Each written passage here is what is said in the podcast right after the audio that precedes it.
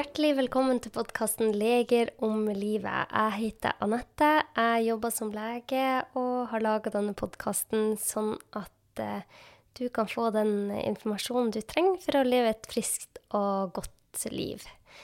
I dag er siste episode før det nye året. Og da tenkte jeg å ha en litt uh, annerledes episode. Så i dag så er jeg så heldig å ha med meg dr. Basim Sahid, som har vært eh, gjest tidligere. Og han skal eh, spørre meg i dag om søvn. Som mange av dere vet fra før av, hvis dere har hørt på tidligere episoder, så er jo søvn en av de områdene jeg eh, blir mest engasjert når jeg får snakke om det. Og det er et uh, tema jeg fordyper meg godt i. Så uh, han, uh, Wasim han spør gode spørsmål, og jeg prøver å svare så godt jeg kan. Og jeg håper at du sitter igjen med mye god informasjon om hvordan søvn fungerer, og hva du kan gjøre for å få den beste søvna du kan få. For det handler jo ikke bare om kvantitet, det handler jo om kvalitet. Det er vel så viktig, om ikke viktigere. Så det går vi òg inn på i dag.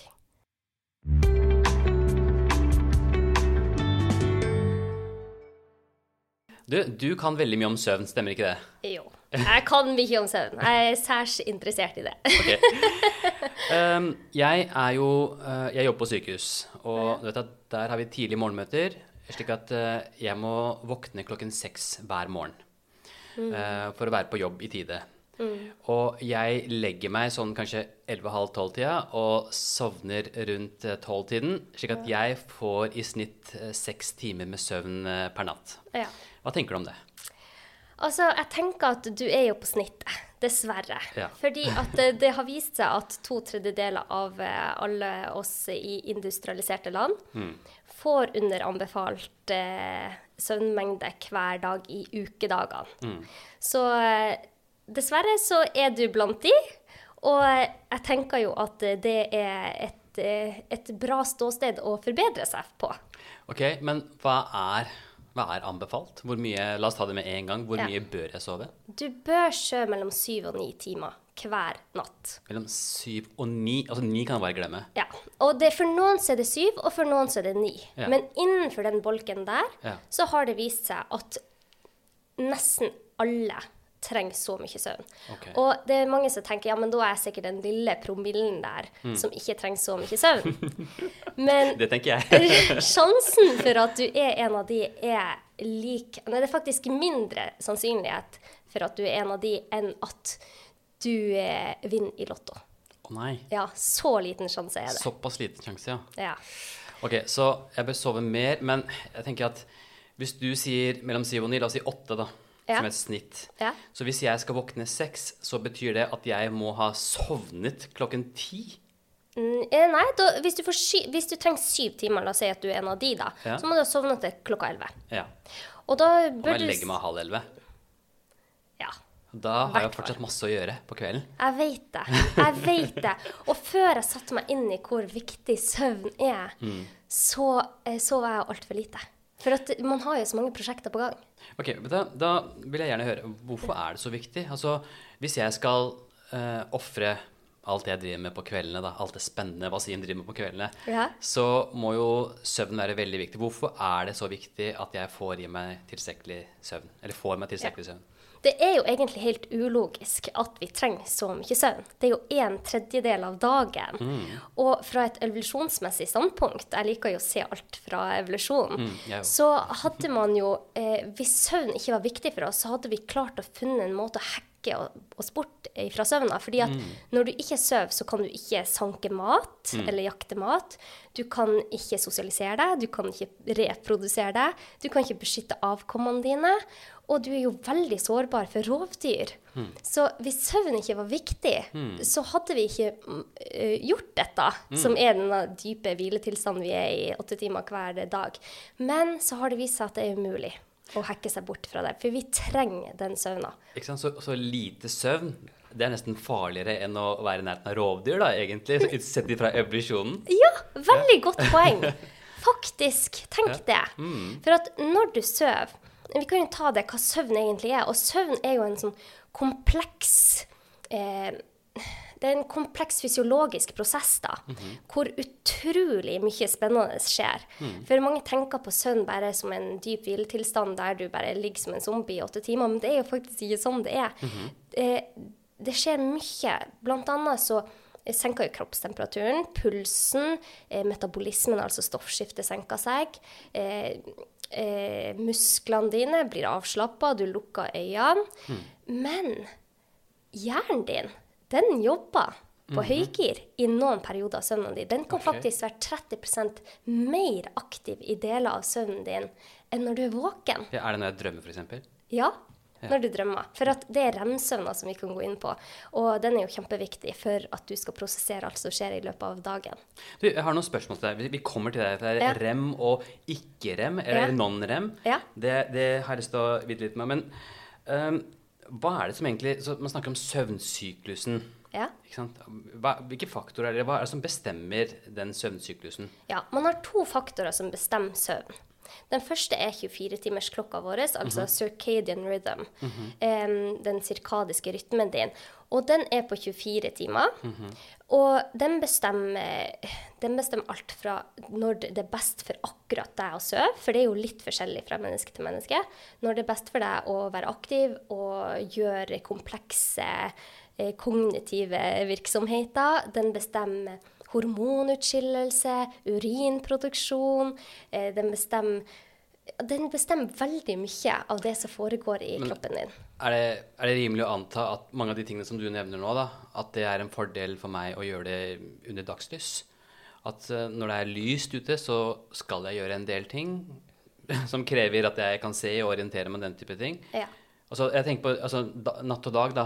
Har det, har det noen påvirkning? Er det noe Ja. som bestemmer? Lyset, lyset påvirker oss i, en, i stor grad. Mhm. Men så viste det seg det Vi har jo A- og B-mennesker. vi, -hmm. vi trenger kanskje ikke gå inn på det akkurat uh, nå, men uh, Jo, la oss gjøre det. Ja, OK. Hva, hva er et A-menneske? Ja. Et A-menneske er La oss se på det fra et evolusjonsmessig standpunkt igjen, for det er kjempespennende. Det er flere teorier til hvorfor man er A- og B-mennesker. A-mennesker er de som legger seg tidlig og står opp tidlig. B-mennesker er de som legger seg senere og står opp senere. Og så har man en tredje gruppe som er midt imellom der. Okay. Eh, fra et evolusjonsmessig standpunkt så er, tror man det er en teori om at det er noen neandertalergener som er i det, men den teorien jeg liker veldig godt, som resonnerer godt hos meg, er det at før i tida så var vi jo veldig eh, sårbare når vi sov. Så en eh, gruppe passa bålet, la oss si, på kvelden, og de la seg sent. Det er B-menneskene. Og én gruppe de sto opp kjempetidlig, fire-fem, og passa bålet derifra. ikke sant? Så da var det mye mindre eh, risiko for å bli tatt av rådyr. Da ble de Ja. eh, redusert til bare fire timer hver natt. Mm. Og at det er derfor vi har utvikla sånn. Så for noen mennesker Så jeg vet ikke, hva kategoriserer du deg som? Altså det, det har jeg tenkt på, fordi jeg liker jo ikke å legge meg tidlig. Eh, fordi jeg syns det er så mye spennende å gjøre. Men på den annen side så har jeg jo merket meg selv at jeg er faktisk mye mer kreativ og har mye mer energi eh, på morgenen. Ja. Eh, husker da jeg skrev Hver gang jeg skrev bøker, Ja. så har jeg skrevet best tidlig på morgenen. Ja. Så jeg klarer ikke å gjøre veldig komplekse ting sent på kvelden. Så jeg er vel kanskje egentlig et A-menneske. Altså jeg tror jeg fungerer bedre eh, i morgentimene. Men eh, så er det dette her, da. At det er, TV og det er andre Ja. ting. Og det er internett som bare holder meg våken på kveldene. ja. Og det er jo det som har forandra eh, oss hvordan, eh, når vi legger oss. Så for mange så er det akkurat sånn som deg. De vet ikke helt om de er A- eller B-mennesker. Fordi at vi har så mye faktorer som spiller inn, som kan forstyrre søvnhormonene våre og disse syklusene. Så man ikke føler seg trøtt, selv om faktisk hjernen din er helt utslitt. Ok, Men la oss gå tilbake til syklusene, da. Ja. Så, har man, eh, det, så vi sa den ene faktoren, som er døgnrytmen din. Og den andre faktoren er, er søvntrykket. Søvntrykket. Ja, og det er mm, Søvntrykket er eh, Fra du våkner om morgenen, så produserer du til enhver tid adenosin. Som akkumulerer, som hoper seg opp i hjernen din. Og etter 12-16 timer så når adenosin en topp. Da, har den, da er det veldig mye adenosin som har eh, samla seg i hjernen din. Og de går på noen reseptorer i hjernen, noen deler av hjernen din, som forteller at nå er du trøtt. Okay. Så dis- det er 24-timersklokka, så har du søvntrykket ditt. Men sånn som eh, vi lever nå, så er det jo mange faktorer som spiller inn på disse to faktorene her Ja. igjen. Og blant annet, du nevnte internett, Ja. skjerm. Ja. Dette blå LED-lyset, det er egentlig Det blå lyset, det kommer fra sola på morgenen. Men ettersom at sola går ned, så blir det mer gult og rødt i dette lyset. Og det forteller hjernen din at du skal sove. Men hvis du ser på blått LED-lys eller har LED-lys i taket på flombelysning hele dagen, så får du aldri fortalt hjernen din at nå er det begynt å bli kveld. Så den, be- hjernen begynner ikke å reprogrammere seg og forberede seg til søvn. Og en annen ting er jo koffein. For koffein, dette er så spennende. Så jeg Ja. elsker å snakke om koffein. Fordi at kaffe, den nest mest handla varen i verden etter olja, det skjønner jeg godt. eh, ja, den er jo Vi er jo alle avhengig av den, eller veldig mange av oss. Men det koffein gjør, det går på de samme reseptorene, de samme delene av hjernen, som eh, adenosin, det vi prater om søvntrykket. Så den tar på en måte skubba til sida av adenosin og tar plassen til adenosin. Så Å den så, Så adenosineffekten blir mindre? Ja! Akkurat. Så du får ikke fortalt hjernen din at nå er du trøtt. For Akkurat. der er jo kaffe, koffeinen, som setter seg på disse reseptorene. Akkurat. Og kanskje det er en kombinasjon av de to tingene som gjør at du faktisk ikke eh, er trøtt på kvelden. Altså, jeg drikker jo ikke kaffe på kvelden. Det har jeg, jeg snakket med deg for eh, en del måneder siden. Ja. Eh, men allerede før det så skjønte jeg at å drikke brus eller kaffe veldig sent på kvelden, det er dumt. Ja.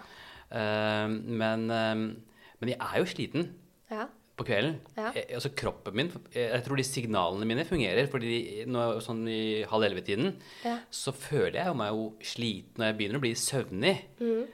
Men jeg velger å ikke lytte til signalene fordi jeg har lyst til å gjøre andre ting. ja. Eh, så ok, ja, men det var interessant. Så døgnrytmen og adenosin, altså, og, Ja. og koffein i tillegg. Okay, Ja. ja, men men, jeg må si én ting til det om koffein. ikke sant? For mange sier ja, men jeg drikker ikke kaffe på kvelden. Men kaffe har jo en halveringstid på fem til seks timer. Det vil si at hvis du drikker kaffe klokka eh, fire, eller vi kan si klokka to, da. Klokka to, Så har du halvparten av kaffen igjen klokka åtte på kvelden. Oh. Men du har en kvart igjen da klokka ti-elleve på kvelden, som sirkulerer rundt i blodet ditt og setter seg på disse reseptorene. men er alle like sensitive for koffein? For jeg, jeg har hørt om folk som sier at nei, jeg kan drikke en kaffe klokken ni på kvelden og gå og legge seg likevel. Ja, Det er litt forskjell. Man har et enzym i levra si som heter cytokrom P450. Og det enzymet er litt mer aktivt hos noen. Så jeg har f.eks. en eh, god venn av meg, eh, han Magnar, som er anestesilege. Han har slutta i Drammen, men han var Ja. eh, anestesilege her. Og han eh, brukte å legge seg klokka tolv hvis han var på nattevakt her og fikk sove litt. Men han kunne gjerne drikke kaffe halv tolv og fikk sove veldig godt. Så det er noen som har eh, litt mer av dette, eller litt mer aktivt enzym. Men det er sånn at uansett hvor aktivt det enzymet er, så klarer ikke det å bryte ned på en halvtime. Så du får ikke den dype søvna uansett hvis du drikker kaffe så sent. Så det har jeg sagt mange ganger til mine gode venner som så Ikke kaffe for sent på Nei. kvelden. Og jeg bruker å si til de som sliter med søvna, kutte, søvn, nei, kutte kaffe etter klokka tolv. Ja. Kronotype, hvis jeg sier det. Ja. Hva er det for noe? Kronotype er A- og B-mennesker. Ja, det var det vi snakket om, Ja, ja. Ok, så det, ok, så det er et fagord for A- og B-mennesker. Det er Ja. hvilken kronotype du er. Ja. Akkurat. Ok. Så vi har funnet ut at du sannsynligvis er A-kronotype. Ja. Hva er du, da? Jeg tror jeg er en, den midt imellom. For eh, 40 av oss er A-mennesker, 30 er de midt imellom, og 30 er B-mennesker. Mm, Så jeg tror jeg er den midt imellom som kan legge seg sånn halv elleve. Det er veldig synd på B-mennesker da, at hele samfunnet er jo bygget opp rundt A-mennesketypen. Ja. Jobben starter klokken åtte på morgenen, skolen starter klokken åtte på morgenen. Ja. Og, og, og mange av de som er B-mennesker, når de kommer da på jobben så tidlig eller på skolen, så yter ikke de sitt beste. Og det er ikke fordi de er late. De er, de er bare programmert sånn. Altså, det er synd for dem, da. Mm. Uh, men de får jo ikke tatt ut potensialet sitt på den måten. De er jo sikkert mye flinkere sånn fem-seks-tiden på ettermiddagen. Ja. Uh, men uh, ja. Jeg syns òg det er kjempesynd, for det er Mm. deres genetiske skjebne, og de har høyere risiko for demens, kreft, Mm. all, skal vi se, demens, kreft, eh, hjerte-karsykdom, depresjon, angst. Det er mye der. Mm, ja. Så eh, for de som er B-mennesker, så bør de faktisk prøve å få seg jobber som ikke innebærer at de må stå klokka seks. Ja. Nå er det kanskje mer mulighet for det. Vi har sett under pandemien med, med hjemmekontor og tilpasning, altså fleksitid og sånn, så det kan jo være noe tid for det. Ok, du, um, da kommer vi på dette her med REM, som står for Rapid Eye Movement, Ja. og non-REM. Ja. Og det er jo da to typer søvn. Ja. Hva, hva, er egentlig, hva er egentlig de to? REM, Når jeg tenker på REM, så tenker jeg R.E.M., det der musikkbandet fra 90-tallet, som vi hørte mye på. Eh, men hva er egentlig REM for noe? Rem, altså, vi har, eh, la oss si eh, du, Wasim, søv fra ti til seks. Mm -hmm. Så i. Det gjør jeg ikke, men Ja, okay. la oss si det. vi håper at du gjør det etter hvert nå. Nå skal jeg hjelpe deg med det. Okay. Men eh, i starten av eh, søvnbolken din, hvis vi deler det opp i to bolker Mm. Den første bolken har vi mest av non-rem-søvner. Mhm. eh, og det er den eh, dype søvna vår. Og så har vi mest av rem-søvn den siste bolken. Okay. Men vi har begge deler som krysser litt. Men det er litt grovt forklart. Og non-rem-søvna er den dype søvna. Her er det mye interessant som foregår. Men altså, du sier at Hvis jeg for sover i åtte timer, så vil Ja. den første av de åtte timene, eller de, de første par timene være rem. de Non-rem. Non-rem. Ja. Og de siste vil være non-rem. Er- Og de siste vil være rem, som Rem, er ja. drømmesøvna. Ok, Så hvis du deler natten i to, Ja. så er første halvdel omtrent? Eller er det ikke så lenge at non-rem var Første halvdel er det mest non-rem, men det er òg okay. remsøvn ja, der. ok. Men det dominerende er non-rem i første Ja. halvdel, og rem dominerer i siste halvdel av natten? Yes. Ok, Greit. Og så Ja, og det, forskjellen på non-rem og rem-søvn er at non-rem-søvna hvis man, det, det er mange forskjeller, men vi har ikke tid til å gå inn på det. Men det som skjer i non-rem-søvne, er at du styrker nerveforbindelsene dine. Du styrker hukommelsen din. Og så skjer det en veldig spennende eh, fysiologisk prosess her som vi så vidt har eh, kommet inn på nå, men man ser at der skjer en utvasking av avfallsstoffene i de dypeste stadiene av non-rem-søvna. For du har fire stadier, og de tre, nummer tre og fire er de dypeste. avfallsstoffene fra hvor?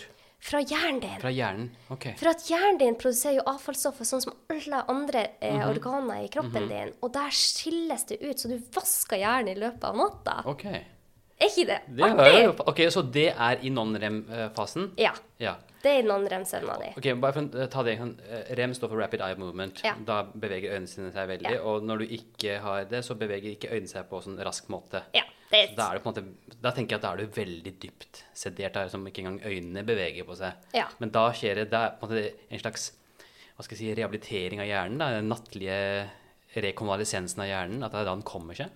Ja.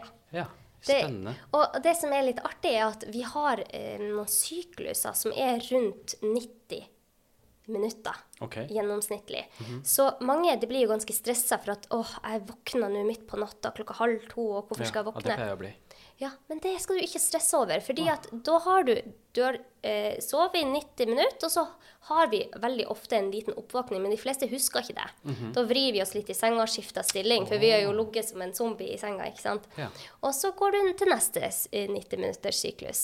Men er disse syklusene, er det liksom rem, non-rem, eller er det innafor rem igjen? At det er, ja, Ja, nei, det, igjen i er hver syklus så er det sånn cirka da, eh, ja, det er eh, både non-rem og rem-søvn. Ok, så en syklus på 90 minutter inneholder begge? ja. Ok, mhm. Mm. greit.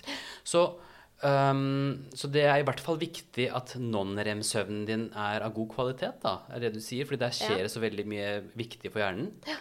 Men betyr det at rem-søvnen ikke er like viktig, eller? Ja, de har jo gjort studier på dette, ja. og det har vist seg at begge er veldig viktig, men hvis jeg eh, gjør et eksperiment på deg, Wasim, og gjør sånn at du ikke får den i 24 timer, og venter helt til neste gang du skal sove på kvelden, så har man faktisk sett at ja, man prøver å ta igjen søvn, men man klarer ikke å ta igjen mer enn ja, det var ikke mange timer man klarer å ta igjen fra forrige natt. Okay. Så du har tapt veldig mye, mye der. Men du tar igjen mer rem-søvn enn non-rem-søvn. Og det hadde ikke jeg trodd, fordi at den dype søvna med utskillelse av avfallsstoffer, man tenker at det er så viktig. Men remsøvna di mm. det kan vi ta nå, den er òg kjempeviktig. Her, her drømmer du, blant annet. Og her skjer det eh, mange prosesser som bl.a. at du eh, får nye hjernesynapser, altså nerveforbindelser. nerveforbindelser. Eh, så det er her kreativiteten din kommer inn.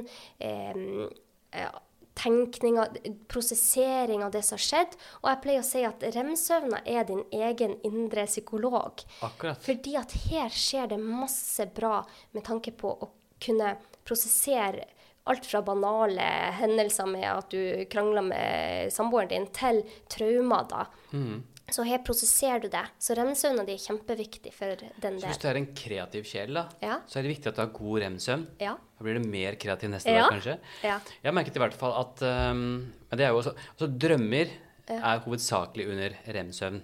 ja. Hmm. Drømmene er i remsøvn. Drømmene er i rem-søvn, ja. Ja. ja. Er det noen forskjell på uh, Altså, jeg har veldig hva skal jeg si, realistiske drømmer, da.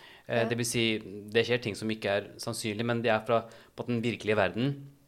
Eh, gjerne eksempel hvis jeg har hatt en eller annen bekymring. Ja, Hvis jeg for har kranglet med noen på dagtid eller har en eller annen konflikt gående, så er det ofte det jeg drømmer om. Eh, mens andre har veldig sånn fantasifulle drømmer, at de er kanskje på et romskip. Eller så har hørt det også, da. De, Ja. eh, Er det noen forskjell? Eller har det bare med hva slags hva man tenker på i løpet av dagen å gjøre? Ja, de har jo studert dette, men de har ikke klart å finne ut hvor, om drømmen din betyr noe. Men jeg tenker jo at drømmene dine har jo, de, de har jo absolutt mye å si for å prosessere ting, men hvorfor du drømmer så vanvittige drømmer Sånn som i natt. Vet du hva jeg drømte i natt? Nei. Jeg drømte at jeg var på et danseshow, og jeg er kjempedårlig til å danse. Og skulle vise meg fram uten å ha øvd. Og det er jo sannsynligvis fordi at jeg er jo ikke vant til å bli filma. Jeg er jo ikke så, egentlig så veldig glad i oppmerksomhet. Ja. Og så visste jeg at jeg skulle på YouTube-kanalen din i dag. Oh, ja. Så det er sikkert en eller annen prosess der som skulle Ja. forberede meg til dette.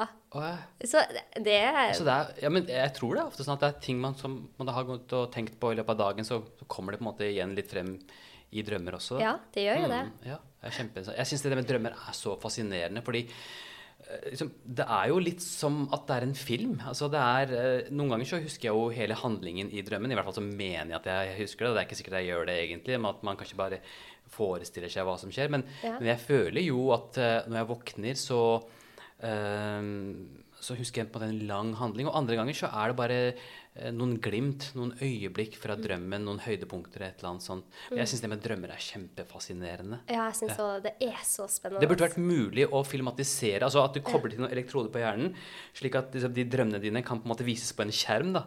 Ja. Tenk deg hvor fantastisk det Jeg hadde vet vært. det. Det er kjempe Det er så fascinerende. Ja, det er. Og at når du plutselig drømmer om noen du ikke har tenkt på på, for, på åtte år, ikke sant? Ja. plutselig kommer Plutselig opp i kommer det, drømmen. Men da har du sannsynligvis opplevd noe den dagen som Mm. kan kobles til det. For hjernen vil jo bolke ting sammen hele tida, ikke sant?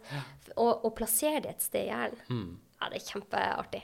Du, eh, jeg har eh, jo pasienter, og eh, pasienter som drikker alkohol, eller drikker på mer enn de trenger. Eh, og så er det noen som sier at eh, Nei, jeg drikker ikke så mye, men jeg må ha litt alkohol på kvelden for å sove. Eh, og uh, på én side så virker det jo litt logisk, kanskje, fordi alkoholen har en eller annen bedøvende effekt ved at du blir roligere. Men jeg har også lest at du sover faktisk dårligere hvis du drikker enten for mye eller drikker da før du skal legge det. Stemmer det? Ja, det stemmer. og det er veldig mange som sier det. Mm. At de må drikke et glass vin eller to for å få sovne. Og det høres jo logisk ut. Du blir litt sånn trøtt og bedøvd. Men alkohol er den sterkeste suppressoren, altså inhibitoren, er Mm. av rem-søvn som vi vet eksisterer Akkurat. det er så ødeleggende for søvna vår. Og det som også skjer når du drikker alkohol, til og med bare én til to glass rett før du legger deg, er at eh, du får masse flere oppvåkninger i løpet av natta, men du husker det ikke. Eller de fleste husker ikke disse oppvåkningene. Men du tenker at du har sovet godt, men du har ikke det. For at det bare sederer hjernen. Det gjør ikke at hjernen kommer inn i søvnsyklusen sin. Så hvis man skulle hatt en sånn regel Du sa det med kaffe, helst ikke etter klokken to på dagen, da. Ja. Som en grei regel. Ja. Alkohol, da? Vet du hva? Et, jo mer jeg har eh, lært meg om søvn, jo eh, vanskeligere syns jeg å anbefale noen grenser for alkohol. Fordi at La oss si f.eks. en studie som de gjorde på noen studenter i USA, der de ga de eh, Alle skulle lese en eksamen de skulle ha om syv dager. Og så delte de studentene inn i tre grupper, der første gruppa Alle leste dagen. Første gruppa fikk to til tre eh, shots med vodka. Bare to til tre etter kroppsmasseindeksen. da. um, men eh, den første gruppa fikk to til tre shots første dagen. Den andre gruppa fikk to til tre shots tredje dagen, altså tre dager etter de hadde lest. Og den tre, tredje og siste gruppa fikk ingen shotter. Og så skulle de da se hvor mye de huska til eksamen. Og de som ikke hadde fått noe alkohol den uka, de huska i gjennomsnitt nesten alt. Akkurat. Mens de som hadde fått alkohol den dagen de leste, Ja. pugga dette materialet, Ja. de husker bare 50% Og det kan man tenke ja, OK, 50 det, det, det er ikke så mm. stort. Men de, den gruppa som hadde fått alkohol da, dag tre, husker bare 60 Ja. Så til og med Det var tre dager, to-tre dager siden de hadde booka det, og de husker bare 60 ja. så det har en innvirkning på søvna og hukommelsen din på mange vis som vi ikke klarer egentlig å skjønne ennå. Så jeg anbefaler jo absolutt å komme ut av denne vonde syklusen med å drikke et glass vin for å sovne. For det hjelper ikke. Jeg er helt enig. Jeg ser egentlig ingen særlige fordeler med Alkohol? alkohol. Nei, ikke jeg Bortsett fra at det er kulturelt og det er sikkert gøy, og så det er hyggelig med middag og i fest og sånne ting. Men jeg pleier å anbefale at liksom, det er ikke noe stor fordel ved det. Og, men hvis du har en sunn livsstil ellers og spiser bra og trener og har de andre tingene i orden, så gjør det ikke noe om du tar litt vin i ny og ne. Men det er ikke noe man skal drikke for å få bedre helse, i hvert fall, tenker Nei, jeg. nei. Det er veldig få sykdommer man har sett at det kan ett glass vin nå da kan hjelpe, men de aller fleste har Ja. vist at faktisk har en veldig dårlig effekt på helsa vår. Så Mm. jeg eh, drikker Munkholm når jeg skal kose meg. Det er godt. Du, uh, tiden flyr ifra oss, men Ja. til slutt så har jeg lyst til å spørre deg én ting. Ja. Uh, og det er ikke sant, Hva skal til for at vi skal få god søvn? Hva, hva er de viktigste grepene Wasim kan gjøre for å få bedre søvn? For jeg, jeg føler at jeg trenger det, altså. Ja, OK. Da har jeg veldig lyst til å gi deg noen råd. Wasim. Du har tre minutter. OK, tre minutter. Det første er LED-lys. Det er så eh, ødeleggende for vår søvn. Så det at de to timene før du legger deg, dimmer du alt av lys i taket. Eh, på mobilen tar du på det røde lyset. Man kan endre den fargen så det blir den mørkere rød-gul tonen. Og eh, får ned alt av lys så godt du kan de siste to timene. Og prøv å holde deg unna mobilen i hvert fall timen før du legger deg. Ja. Mm. Det er nummer én. Ok? her kommer jeg til å slite det, men jeg skal les prøve. Bok, les bok! Ja, Herregud, det er så masse spennende bøker. Helt enig. Mm. Eh, og så eh, nummer to, kaffe. Unngå kaffe. Hvis man sliter med søvn, så burde man unngå det etter klokka tolv. Okay. Eh, men i hvert fall ikke etter klokka to. Mm. Og da, det er også koffein i eh, mørk sjokolade, Mm. Brus. te og Mm. brus. Husk det. Mm. eh, det tredje er vel eh, Ja, å herre min, det er så mange gode tips her. Men for de som har mye tankespinn, Mm, så har du Ja, du har det, ja. Ja. Da har man eh, funnet ut at eh, eh, flere studier har vist nå at hvis du skriver ned alle tankene dine to Aha. timer før du legger deg, okay. ikke rett før, men noen timer før du legger deg, har en sånn, Ja. kall det bekymringsbok eller Ja. tankespinnbok, skriv ned alt du kan, Ja. og skriv som du later som ingen skal eh, se det. Så vær helt ærlig. liksom. Vær helt ærlig, bare få ut alt. Ja. Så legger du den bort, og så sier du at nå skal ikke du tenke på det før neste dag. Så det der, det tipset der har jeg sansen for. fordi da føler jeg at da har du på en måte på en litt systematisk måte gått igjennom bekymringene dine og på en måte fått dem litt ut av systemet. Ja. Og den skal jeg, det har jeg merket meg. For det tror jeg, for jeg sliter veldig med at jeg er en sånn veldig følsom person. At jeg lar tankene mine gripe meg veldig mye da. Ja. Uh, og jeg klarer på en måte ikke å bryte ut av de tankene når de først begynner å ri hjernen min. Mm. Uh, så, så det var et kjempegodt tips. Men altså, eh, ikke kaffe for seint. ja. Kaffe så til lunsj. Kaffe etter lunsj. Og så ha det kaldt på soverommet, Kaldt på soverommet. Ja, og mørkt på Ja. soverommet. Og prøv å legge deg og stå opp til samme tid hver dag. Det er verdens kjedeligste råd, men prøv Ja. det. Men, men det gjør jeg jo. Jeg står jo opp til samme tidspunkt Ja. av jobben. Uh, og, men i hvert fall ikke eh, kaffe for sent på dagen, og uh, få ned belysningen.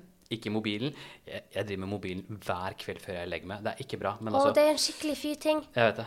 Siste timen, i hvert fall. Timen. Det skal du Ok. klare. Jeg Og vi. Og vi skal ha en ny episode der vi går Ja. inn på hvordan det går med søvna di. Vet du hva? Det skal vi. Jeg, jeg, altså, jeg, tror, jeg er helt overbevist om at søvn er kjempeviktig for helsa. Og, og, og jeg vet det, men likevel så klarer Men nå skal jeg på en måte skjerpe meg og uh, iverksette disse tiltakene her. Så kommer du tilbake om uh, noen måneder, så ser vi om det, jeg har blitt uh, mye sunnere og friskere Wasim, kanskje.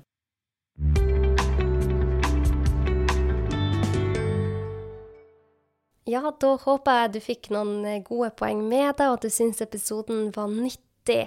Og så ønsker jeg deg en kjempefin jul når den tid kommer, og jeg gleder meg til neste sesong over jul. Jeg har fått så mange spennende gjester, og jeg gleder meg til å dele disse episodene med deg. Så eh, ha en fin jul hvor enn du er i verden, og jeg håper du får sove godt i natt.